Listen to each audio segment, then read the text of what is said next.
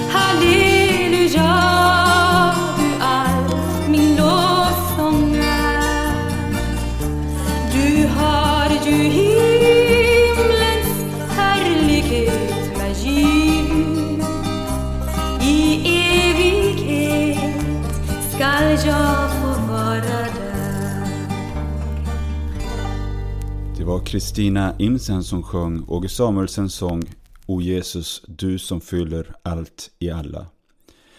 Och eh, vi hälsar dig återigen välkommen till Radio Maranata och vi sitter nu en grupp samlad här i Långshyttan. Det är Hans Lindelöv, det är Berno Vidén som är kvällens programledare och jag Sebastian Vidén. Med över internet har vi Paulus Eliasson som sitter i Dal i Norge och Morgan Lindros i Stockholm. Jag överlämnar till Berno Widén, kvällens programledare. Eh, vi har ett ämne för den här kvällen och det handlar om uppståndelsen. Alltså att Jesus Kristus har uppstått från de döda. Och det är ju en avgörande fråga för vår tro. För skulle det vara så att Jesus inte har uppstått, då far vi omkring med lögner och lever hela vårt liv i en lögn. Eh, om vi går till Bibeln så ger evangelierna vittnesbörd om hur det gick till då när Jesus uppstod från de döda. I Matteus kapitel 28 så kan vi läsa om hur Maria Magdalena och den andra Maria gick för att se på graven. Då blev det en kraftig jordbävning för en Herrens ängel kom ner från himlen. Han gick fram och rullade bort stenen och satte sig på den. Hans gestalt var som blixten och hans kläder var vita som snö. Vakterna skakade av skräck för honom och blev som döda. Men ängeln sade till kvinnorna, var inte rädda. Jag vet att ni söker Jesus, den korsfäste. Han är inte här. Han har uppstått som han har sagt. Kom och se platsen där han låg. I Markus, det sextonde kapitlet, så ser vi en liknande berättelse. När sabbaten var över köpte Maria Magdalena och Maria Jakobs mor och Salome väldoftande oljor för att gå och smörja honom. Mycket tidigt den första veckodagen kom de till graven när solen gick upp. De sade till varandra Vem ska rulla bort stenen från gravöppningen åt oss? Men när de lyfte blicken fick de se att stenen var bortrullad. Den var mycket stor. De gick då in i graven och såg en ung man sitta på höger sida klädd i en lång vit dräkt och de blev förskräckta. Men han sade till dem var inte förskräckta. Ni söker Jesus från Nasaret, den korsfäste. Han har uppstått. Han är inte här. Se, här är platsen där de lade honom.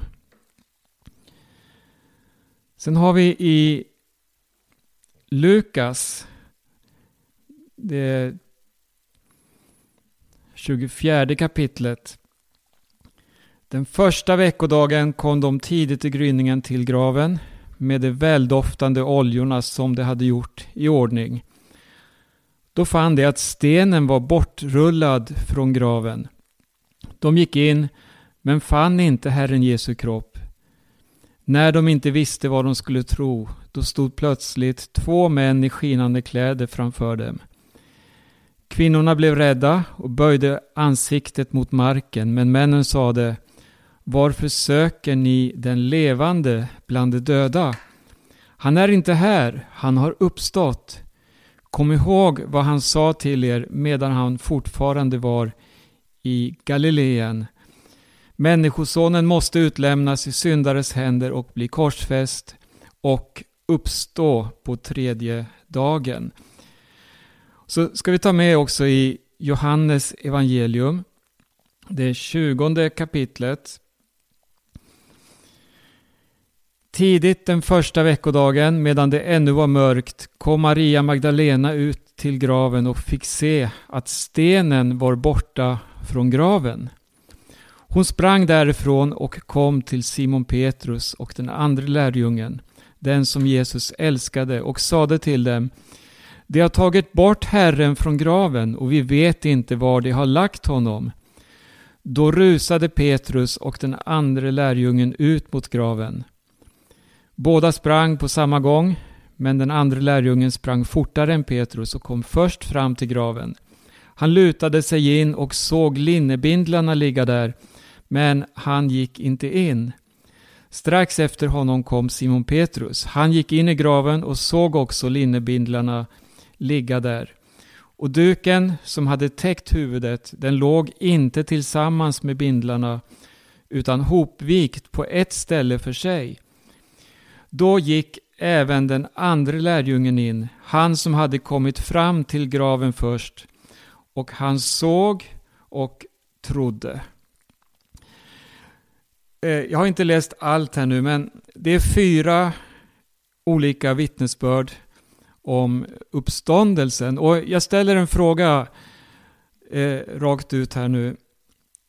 Jag har ju er medverkande på bild här så ni får gärna lyfta händerna om ni vill säga något eller ge tecken på något sätt. Och jag frågar så här, hur trovärdigt är dessa vittnesbörd som Nya Testamentet ger oss? Paulus? Ja, jag skulle vilja säga som så här att eh, eh frågan om, om evangelisternas trovärdighet, den är ju ganska grundläggande för förståelsen av de här texterna. För att det är ju ett extraordinärt påstående som de kommer med att en person som var död har uppstått igen från de döda. All vetenskap och all erfarenhet eh, skulle säga oss att det är inte möjligt. Men eh, när man läser de här texterna så det första man lägger märke till för att eh, oftast har det anklagats för att vara mytologier. Men det första som man lägger märke till det är att evangelierna är inte skriven, skrivna som myter. Det är inte, eh, helt enkelt inte den genren av texter utan det är eh, genren som, som de är skrivna i är historisk, eh, antik biografi. Precis som de andra biografierna som blev skrivna på den tiden. Så man, man har alltså inte haft en tanke om att det här ska vara en, eh, en mytologisk framställning eller en liksom Jesus, eh, han har ett liv bortom någon slags andlig förståelse av det här utan de gör anspråk på att det här är historiskt. Eh, och man kan, man kan nämna flera olika saker när det gäller evangelisternas trovärdighet men en sak som jag bara skulle vilja nämna först, eh, så kan ni andra få fylla i här, det är eh, att de tjänade ingenting på eh, de här berättelserna. Eh, apostlarna, eh, de som gick ut och förkunnade att de hade sett Jesus uppstånden. Det var inte så att helt plötsligt så fick de massa pengar, massa respekt och, och, och framgång och rikedomar och hus.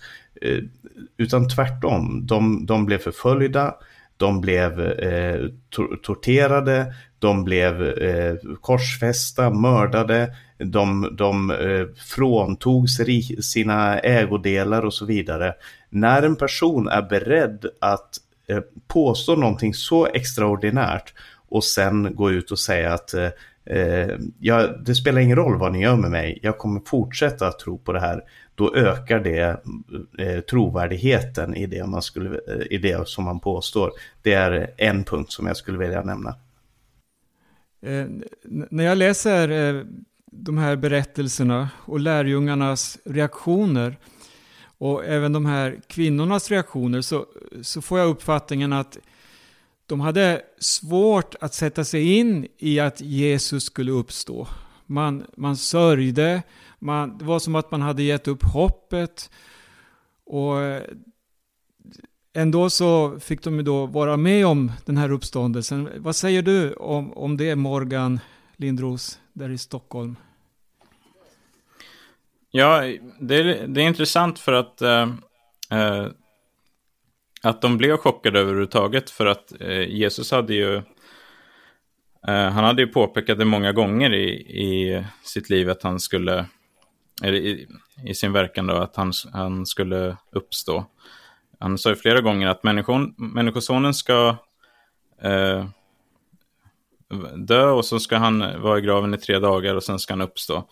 Så att eh, eh, jag tycker det är lite intressant att de inte stod och väntade utanför graven eh, den dagen när han skulle uppstå.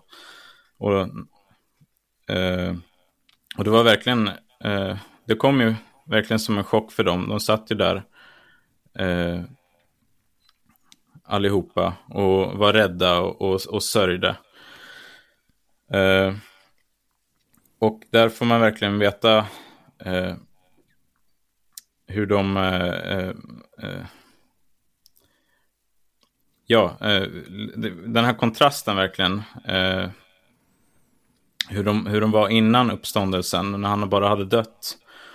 Och eh, med den kraften de gick fram efter att han hade uppstått, då förstod de ju att det här var verkligen någonting att, att, leva för. Det var då de fick den här tron och den här eh, väldiga kraften i uppståndelsen. Eh, ja, när de fick veta att Kristus verkligen var uppstånden. Uh, ja. Det, det, är som att lärjungarnas tvivel, som man kan se då, det, det är ett stort bevis på att Jesus verkligen var uppstånden när man ser förvandlingen i deras liv.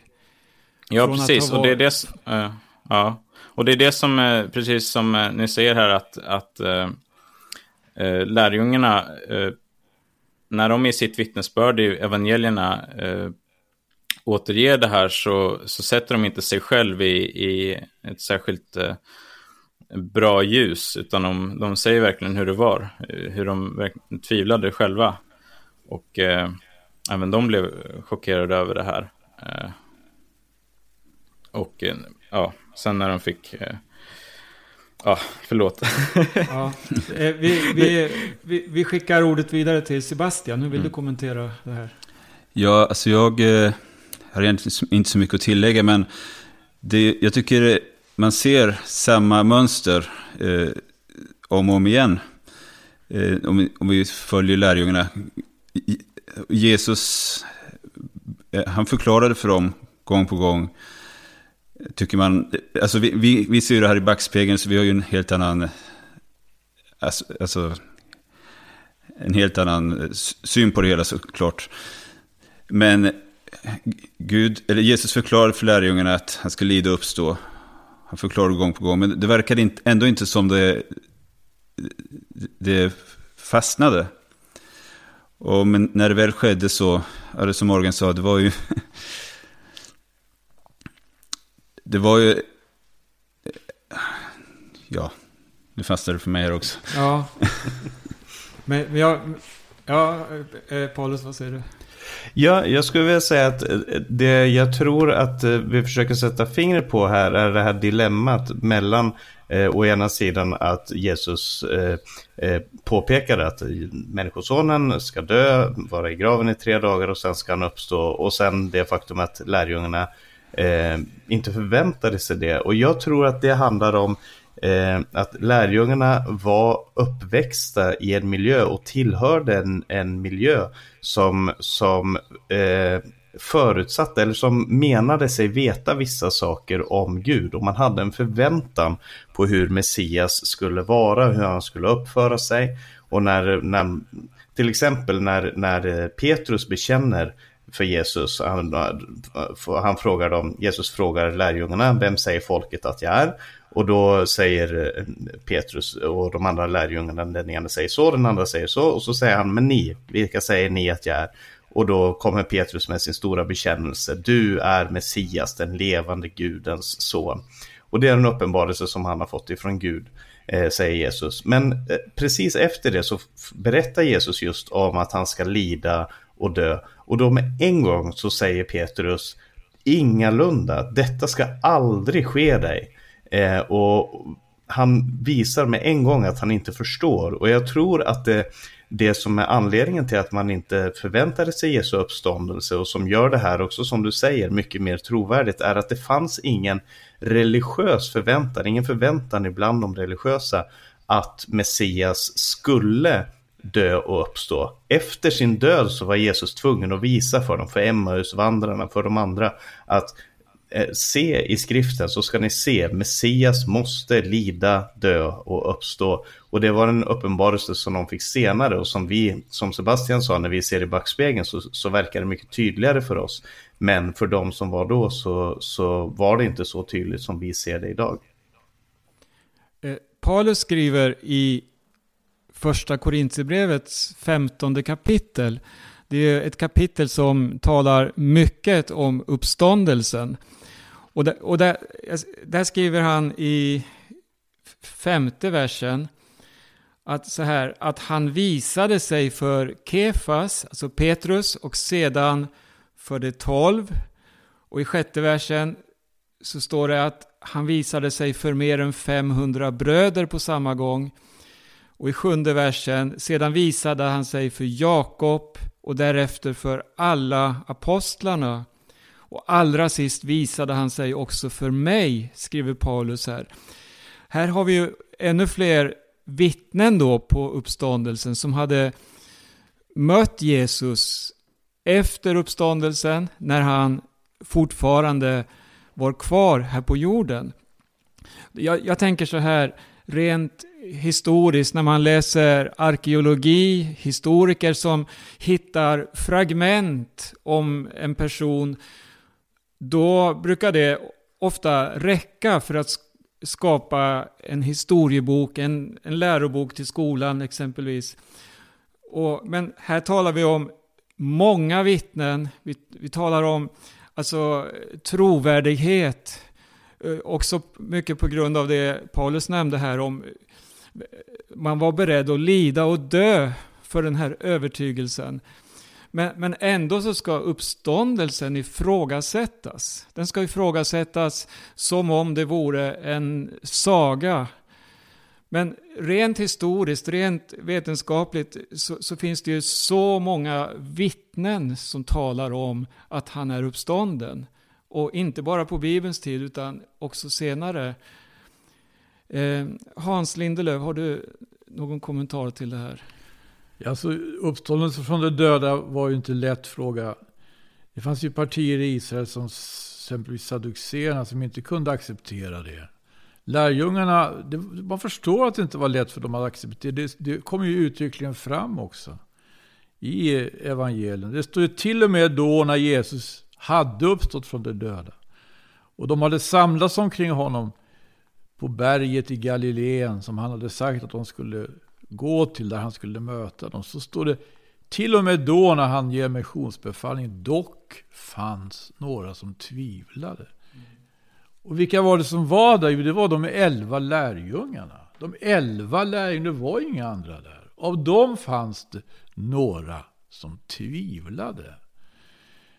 Men Jesus själv får ju svar på frågor om uppståndelsen. Han, jag tycker det han säger i, om vi går till Lukas evangeliets 20 kapitel, då han bemöter Saduséerna. Saduséerna ställer ju en fråga till honom. Som de formulerar sig, jag kanske kan läsa det. det är så här att i Lukas 20 kapitel från 27 versen. Därefter trädde några saduceer fram och ville påstå att det icke ges någon uppståndelse. Att det, det ges ingen uppståndelse. Det finns inte. De frågade honom och sa Mästare, Mose har givit oss den föreskriften att om någon har en broder som är gift men dör barnlös så ska han ta sin broders hustru till äktenskap och skaffa avkom åt sin broder. Nu var här sju bröder. Den första tog sig hustru, men dog barnlös. Då tog den andra i ordningen henne, och därefter den tredje, sammalunda alla sju. Men det dog alla, utan att någon av dem lämnade barn efter sig. Slutligen dog och hustrun. Vilken av dem ska då vid uppståndelsen få kvinnan till hustru? Det hade ju alla sju tagit henne till hustru. Så här presenterar de då en situation som, gör, alltså, som de uppfattar som gör uppståndelsen så helt orimlig. Jesus svarade dem, med den nuvarande tidsålderns barn är det så att män tagar sig hustrur och hustru ges åt män. Men det som blir aktade värdiga att få del i den nya tidsåldern och i uppståndelsen från de döda. Med dem är det så att varken män tar sig hustru eller hustru ges åt män. Det kan ju ej heller mer dö, ty det är lika änglarna och är Guds söner, eftersom de har blivit delaktiga av uppståndelsen. Och så kommer det här. Men att det döda uppstår, det har också Mose på det ställe där det talas om törnbusken givit till känna. När han kallar Herren Abrahams Gud och Isaks Gud och Jakobs Gud. Vad kallade han Herren? Abrahams Gud och Isaks Gud och Jakobs Gud. Och han, säger Jesus, är en Gud icke för döda utan för levande. Ty för honom leva alla. Det här är egentligen så oerhört enkelt. Det är en sån vad säger, oskrymtad eh, tro som kommer till tals här. Och, eh, så att det, det, går ju liksom inte nästan att fatta. Men för honom leva alla. Kan vi begripa det? För, vad betyder det? Alla, alla lever väl inte? Men han säger inte att alla lever. Han säger för honom leva alla. Och vilka är det som, som kommer in för honom? Abraham och Isak och Jakob nämns uttryckligen. Och så har vi Jesus där. Som om någon kom verkligen att träda fram inför honom. För honom. Leva alla. Jag, jag, jag tycker det här är så underbart. Det, det, det är Jesu egen logik. Mm.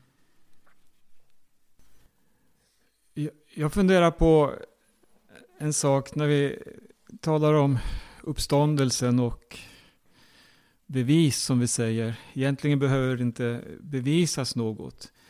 Vi som har fått möta Jesus, vi kan säga med säkerhet hur han har förvandlat våra liv. Det betyder att han är en levande mästare, en levande person. Och något väldigt starkt, det är alla som förföljs.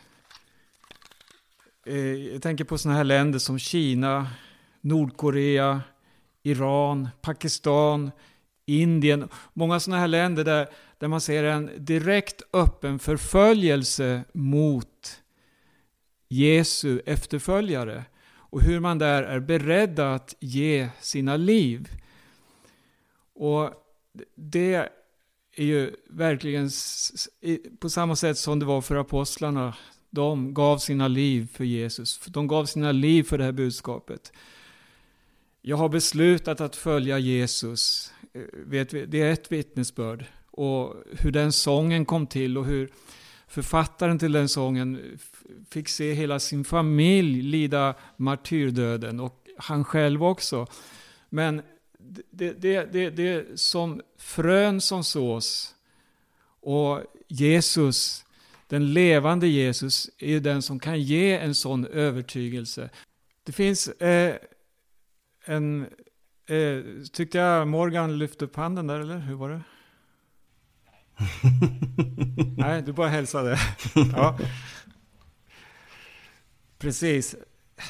Jag tänkte på ett annat eh, vittnesbörd. Jag vill bara nämna någonting om det. Det, det finns en eh, man, eller fanns, han är död idag. Han dog 1900, 2012, förlåt. Charles Chuck Wendell Carlson. Han var rådgivare till Nixon, president Nixon på sin tid. Och han var också med i den här Watergate-skandalen.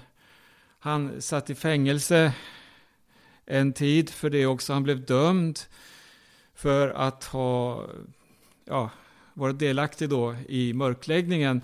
Men han säger så här, när, när han såg då alla dessa vittnen och alla dessa som skulle tala inför domstol i den här Watergate-skandalen, så såg han hur de en efter en ändrade sin version och backade och då, då, skrev, då sa han så här, han blev frälst under den här processen.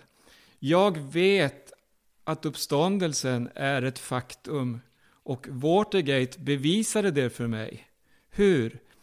Eftersom tolv män vittnade om att de hade sett Jesus uppstå från de döda förkunnade de denna sanning i 40 år och aldrig en gång förnekade den.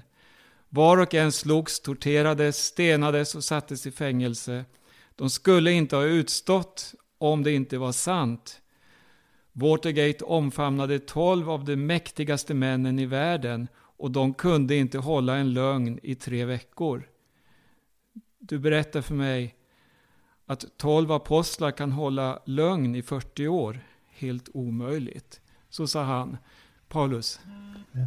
Ja, jag, jag, tycker att det där är en väldigt intressant sak. För att eh, som jag sa innan här så saknar eh, eh, evangelierna fullständigt den här mytologiska prägen. Det är övernaturliga saker som händer. Och det är ingen som påstår att det här är någonting naturligt, att, att människor uppstår ifrån de döda. Men, men samtidigt så är det sagt på ett väldigt, väldigt nyktert sätt. Eh, det, det bär helt enkelt inte lögnens prägel. Det är med detaljer som verkar svårförstådda som, eh, som, men som de rapporterar som de sanningsvittnen de är. Eh, och sen om man ser på senare berättelser, för att den här berättelsen om, om Jesu uppståndelse på, säg på 200-talet, 300-talet och ännu senare så satte människor och tänkte, men det var väldigt fattiga berättelser det här. Så försökte man expandera dem och, och, och lägga ut mer och, och komma med liksom flera. Om man till exempel läser det som kallas för Petrus evangelium, som alltså inte är ett evangelium skrivet av Petrus, eh, det, det har uppkommit flera hundra år senare. Då berättas det om, om att där vid, vid graven på, på söndagsmorgonen, där stod det en grupp med, med präster, där stod översteprästen, där stod lärjungar, där stod det massa olika personer. Och så kommer Jesus flygande ut ur graven och bakom honom så kommer ett talande kors och det kommer en massa, massa och det är änglar och det är sånger och det är allt möjligt som händer där. Och det är sånt där som man förväntar sig när man pratar om mytologi. När man pratar om, om människor som sitter och fantiserar. Hur skulle det se ut när Jesus, när himmelen och jordens herre uppstår ifrån de döda? Men vi har inte ens någon berättelse om hur Jesus gick ut ur graven, vad som hände. För det var ingen där. Det står bara att några kvinnor kom och de fann graven tom. Och det här att några kvinnor kom är också väldigt intressant för att kvinnor blev inte räknade som helt trovärdiga vittnen. Om man skulle, eh, om man hade skapat den här historien så hade man placerat någon som, man, som liksom alla kunde acceptera som ett trovärdigt vittne ståendes utanför graven som kunde se när Jesus eh, kom ut ur graven. Men det som händer är att det kommer några kvinnor tidigt på söndagsmorgonen och de finner en tom grav. Eh, det är berättelsen och, och det är för att det är det som hände. De, de har inte någon de har inte möjlighet att, att eh, eh, liksom utbrodera den här berättelsen på, på något annat sätt. De, de är sanningsvittnen och de, de får berätta som det är. Det var några kvinnor, det var en tom grav. Sen förstod vi att faktiskt Jesus var uppstånden ifrån de döda. Det här med uppståndelsen då, om vi går ett steg vidare. Eh, hur pass viktigt är det här för oss? Vad betyder det för oss? Paulus skriver ju så här i första Korinthierbrevet 15 eh, från vers 12. Men om det nu predikas att Kristus har uppstått från de döda, hur kan då några bland er säga att det inte finns någon uppståndelse från de döda? Hör, några bland er, det måste ju varit någon utav de troende då, som tvivlade på, men som ändå hörde till kretsen på något sätt. Men så står det i 14, 13 versen, om det inte finns någon uppståndelse från de döda har inte heller Kristus uppstått. Men om Kristus inte har uppstått, då är vår predikan meningslös och även er tro meningslös. Alltså, det, det, det är en fråga här, betyder uppståndelsen något för oss? Är det avgörande för oss? Dels att Jesus har uppstått och eh, vad jag läser här är, finns, så finns det tvivel om att vi kan uppstå från de döda. Kan vi uppstå från de döda på samma sätt som Jesus har uppstått? Eller hur ska vi förklara det här? Ja, det, det är ju så att det här kapitlet, det är ju ganska långt. Och det fortsätter ju att, med att han, han, han verkligen hjälper oss att få perspektiv på uppståndelsen. När han till exempel skriver som han gör att det som sås i ringhet uppstår i kraft, det som sås i svaghet. Eh, det, det, det talar om, det finns någonting i naturen. Det som sås, det förblir inte det här kornet som läggs ner i jorden. Det kommer att bli en växt han talar om kroppar. Han talar om att det finns himmelska kroppar och det finns jordiska kroppar. Och han talar om kommande ting. Och där har alltså uppståndelsen sin eh, verkliga betydelse för oss. Därför att det här är ju vad som hör samman med Herrens tillkommelse. Det här är vad han undervisar om dels i det kapitel som du läser första Korinthierbrevets 15 kapitel, dels i första Thessalonikerbrevets fjärde kapitel.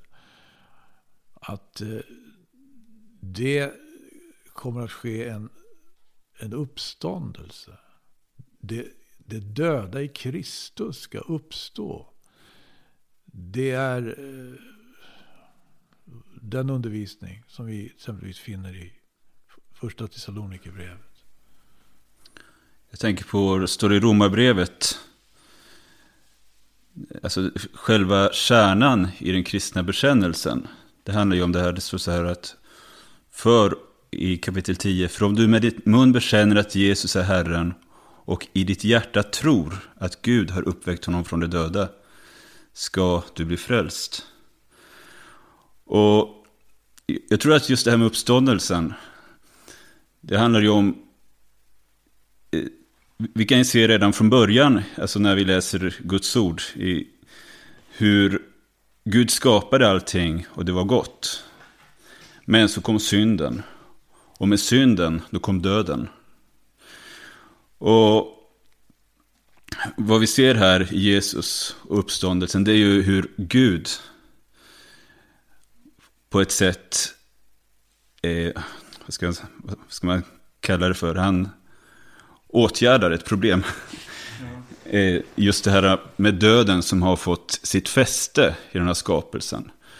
Och det börjar med Jesus som förstlingen, som den första som är uppstådd, uppstånden. Och, ja. Mm. Hur står det om döden? Att den, den sista fienden som berövas sin makt genom evangelium, genom Jesus. Men fortsätter Paulus så här, om Kristus inte har uppstått, då är er tro meningslös och ni är fortfarande kvar i era synder. Paulus, vad säger du om det? Ja, det, det, är ju ett intressant påstående att, att då, då finns det faktiskt inget, eh, ingen förlösning, ingen frigöring från synden. Och jag tror att, jag tror att det har att göra med att eh, uppståndelsen var beviset för att det som hände på korset eh, var sanning. Eller uppståndelsen förklarar vad som hände på korset. För att när man ser korset utifrån, om, utan någon uppståndelse, så är det en tragisk person som har påstått att han är kung och som, på, som har gjort saker som har gjort folk förundrade men som ändå inte är någonting mer. Som, som eh, möter eh, den romerska övermakten och, och den judiska religiösa övermakten och så blir han korsfäst och så är berättelsen slut. Eh, det är så otroligt stor skillnad mellan den tragikomiska, för att det, det, finns en del komik här med soldaterna som, som slår Jesus och säger Häll dig judarnas konung. Och de människorna som går förbi och spott, spottar och hånar. Eh, det är så stor kontrast mellan det och det som det visar sig att det är vid uppståndelsens morgon. Det, det, alltså, det förklarar hela det här. Och om det då inte är någon uppståndelse, som Paulus säger där, då är vi de mest beklagansvärda människorna. För att vi tror på eh, en, tragi, en tragisk eh, fallerad messiasgestalt som gick runt i Galileen för 2000 år sedan och trodde att han var någonting. Om han inte är uppstånden då är vi fortfarande i våra synder och, och då är allt hopp ute. Så, så enkelt är det. Då är Gud en lögnare för att Gud hade lovat att han skulle sända eh, eh Herren som ni väntar på. Han ska plötsligt komma till sitt tempel, står det hos profeten. Eh, och nu finns det inget tempel, det är inget tempel där. Det finns ingen förvänta, i så fall så är Gud en lögnare och då är vi fortfarande i våra synder. Så enkelt är det. Då är det som ateisterna säger att allting till slut är meningslöst. Eh, om det inte är någon uppståndelse. Döden har tappat sitt välde bröt Jesus utav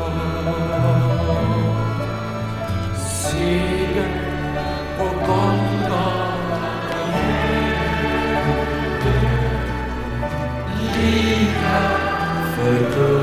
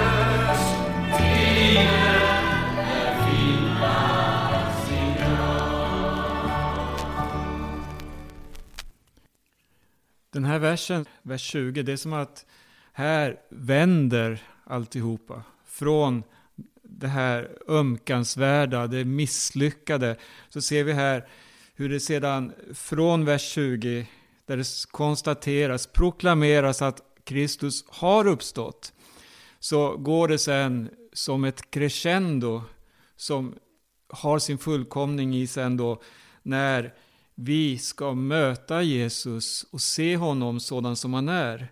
Det här, den här förvandlingen, det här när Herren ska komma tillbaka och när, eh, ja, i ett ögonblick så ska vi bli lika honom vid den sista basunens ljud. Eh, allt, allt det här proklameras från den 20 versen och framåt.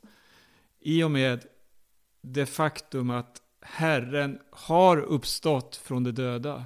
Och därför har vi också ett budskap att förmedla, ett hoppets budskap som eh, verkligen människor behöver. Och eh, ja, som det ser ut i världen idag också. Människor är ju så desorienterade, så oroliga. Men tänk att få förmedla detta budskap, att det finns en makt som har berövat döden. Herren är uppstånden. Och Morgan, jag skulle vilja att du säger något om det här också. Vad betyder denna uppståndelse för, för, för oss? Finns det någon annan möjlighet för människan? Eh, något hopp om inte Jesus har uppstått? Nej, det gör ju inte det. Eh, och jag vill också fylla i här eh, för oss också det, den sista versen i det kapitlet. Eh, så står det där i vers 58. Stå därför fasta och orubbliga, mina älskade bröder, och arbeta alltid hängivet för Herren. Ni vet ju att er möda i Herren inte är förgäves. Och uppståndelsen, det är ju det eh, som ger mening och tröst verkligen i, i, det, i det kristna livet. Och, eh, och det är den här sanningen som gör att vi kan utstå förföljelse av alla olika slag och, och hån och allt möjligt. Just det här att vi vet eh, att vi ska uppstå eh, som det står i första Thessalonikerbrevet, eh, att, vi på sam att Gud på samma sätt som han har uppväckt Kristus eh, ska han genom Jesus föra fram de insomnade tillsammans med honom. Mm. Vi har eh, förebilden i Jesus och han är förstlingen eh, av de som ska, av de uppståndna.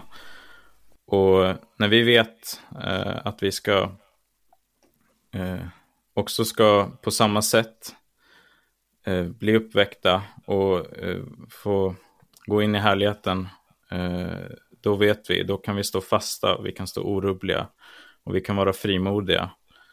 Eh, för vi vet att Jesus har uppstått. Vi vet att eh, vi har ett evigt liv att vänta. Så det betyder verkligen allt. Och det eh, uppståndelsen, det är ju verkligen, det är verkligen på uppståndelsen som eh, som hela den kristna tron står och faller. Eh, och tack Gud så står den upp. Amen. Han är uppstånden. Vi, vi har, kan proklamera det med all frimodighet. Tänk att, få, tänk att vi får vara med och förmedla detta hoppets budskap i dessa eh, coronatider när hela världen befinner sig i, i en panik och i ett stillestånd samtidigt. Det, det, och också här med ser vi, jag tänker på om vi ska, på, på, på de eh, rapporter man nås av när det gäller nu den här pandemin som, som drar över hela världen. Och så här ser vi när när regeringarnas möjligheter tar slut. Man misslyckas. Vi ser hur länder brottas med arbetslöshet. Miljontals människor som förlorar sina arbeten och som eh, är rädda för att också förlora sina liv. Man är rädd att bli sjuka. Vi ser hur, hur många hungrar för man kan inte hitta mat för dagen. Och, och, och så ser vi något annat hända som, som jag är helt överväldigad. Och, och det, det är hur människor på plats efter plats efter plats böjer sina knän och beder till Gud. Och det här hänger också samman med att vi har en uppstånden Kristus som är verksam och som fortfarande söker människor på den här jorden. Och vi, vi möter idag en sökningstid som är så påtaglig, så konkret, som, som, som får en att eh, verkligen själva, att ja, stanna upp. Herre, låt oss ta vara på denna sökningstid och visa människorna på att du lever, att du fortfarande har allt under kontroll och du är den som kommer att föra fram allt till en slutlig seger. Och det här är att komma in i Guds vila också på, på, på ett sätt. Eh, Paulus, du har en kommentar här. Ja, jag, jag, i en predikan som jag hade för något år sedan när jag var i Rumänien på en, eh, eh under påsken eh, så eh, nämnde jag en bild som, som kommer tillbaka till mig gång på gång och som jag tänkte på nu också när vi pratar om det här. Och det är att eh, eh varje vinter så när vintern drar sig mot vår så ligger det snö överallt och man, det är vitt och man går och drömmer om att det kanske ska komma något liv ut ur det här döda för allting ligger, allting ligger dött helt enkelt. Det är inga blommor, det är ingenting som växer, allting är, är stilla. Men så kommer våren och då, då är det de här första blommorna som skjuter upp innan någonting annat. Du har de här vårkrokusarna, påskliljorna, de här eh, blommorna som, som skjuter fram eh, innan andra blommor eh, och annat liv kommer till, till syne. Och det tycker jag är lite intressant för att det, vi har nämnt här, det är flera som har nämnt att eh, det står i Bibeln att Jesus är förstlingen av de uppståndna. Han är den första, den förstfödde ifrån de döda. Han är, om du vill, vår garant. Han är vår säkerhet att det som Gud har lovat om uppståndelse, det är sant. För Jesus är uppstånden. Är han inte uppstånden, då är allt hopp ute. Det är vi de första som ska erkänna. Det finns ingen kristendom utan uppståndelse, det gör det inte. Eh, men om det är sant, då kan man göra som, som Paulus gör. Han citerar ifrån Hosea i slutet på första Korinthierbrevet så kommer en liten poetisk eh, eh, dikt där. Du död, var är din seger? Du död, var är din udd? Den, den udden och den segern som döden har haft igenom alla tider, den är bruten i Jesu uppståndelse. Eh, men det, det, är inte bara en, och, och, många ser det här som bara en tröst som vi kristna liksom inbillar oss. Är det en tröst, då, då är det falskt. Då, då måste, är det en dröm så se till att väcka mig för att travestera en gammal sång. Eh, är, är, det, är det bara en tröst, då är det ingenting. Men när det är sant, då är det en revolution. Det är det stora. Mm. En, en sak till som eh, jag tror är väldigt viktigt att lyfta fram. Det är en enorm skillnad på Jesu uppståndelse och den uppståndelse vi får vara med om genom att vi tar emot Jesus i våra liv. Vi får ju ett evigt liv som en gåva. Men när Jesus dog så gjorde han något som ingen människa någonsin har kunnat gjort eller skulle kunna göra. Han steg ned i dödsriket. Han steg ned till denna eh, de fördömdas plats. Och vad gjorde han? gick in där. Och så står det att han tog nycklarna från döden och dödsriket. Och så förde han fångar ut därifrån. Ut i frihet in i Guds vila. Och, och, och det, här, det, här, är ett så revolutionerande budskap. Alltså Jesus, han, han dog. Men i sin död så vann han en evig seger över synden, över döden, över dödsriket, över alla plågor. Och så, så erbjuder han detta eh, befrielsens budskap till varje människa. Han är uppståndelsen och livet. Amen. Med de orden så avslutar vi vårt samtal här i Radio Maranata. Vi har talat om uppståndelsen, Jesus Kristus, hur han uppstod från de döda. Jag vill passa på här avslutningsvis också att annonsera lite grann. Du lyssnar till Radio Maranata och lyssnar du till Radio Maranata Stockholm eller Örebro som sänder över 88 respektive 95,3 MHz så har vi sändningstider varje morgon klockan 8 samt måndag och onsdag kväll klockan 18. Lyssnar du på Radio Maranata Göteborg då är det 94,9 MHz som gäller och tiden är tisdag kväll klockan 21 med repris lördag klockan 15. Vill du ha mer information, vill du ha kontakt så är du välkommen att besöka vår hemsida på www.maranata.se.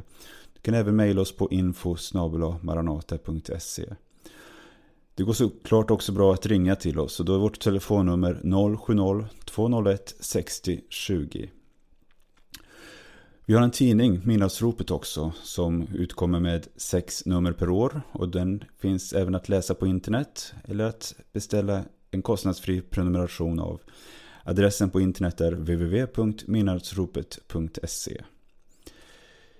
Vi ska avsluta med en sång här och det är Arne Imsen som sjunger med församlingen Giv Jesus all makt och all ära. Tidigare, mitt i programmet, hörde vi Arne Imsen sjunga Städse på Sion, jag tänker.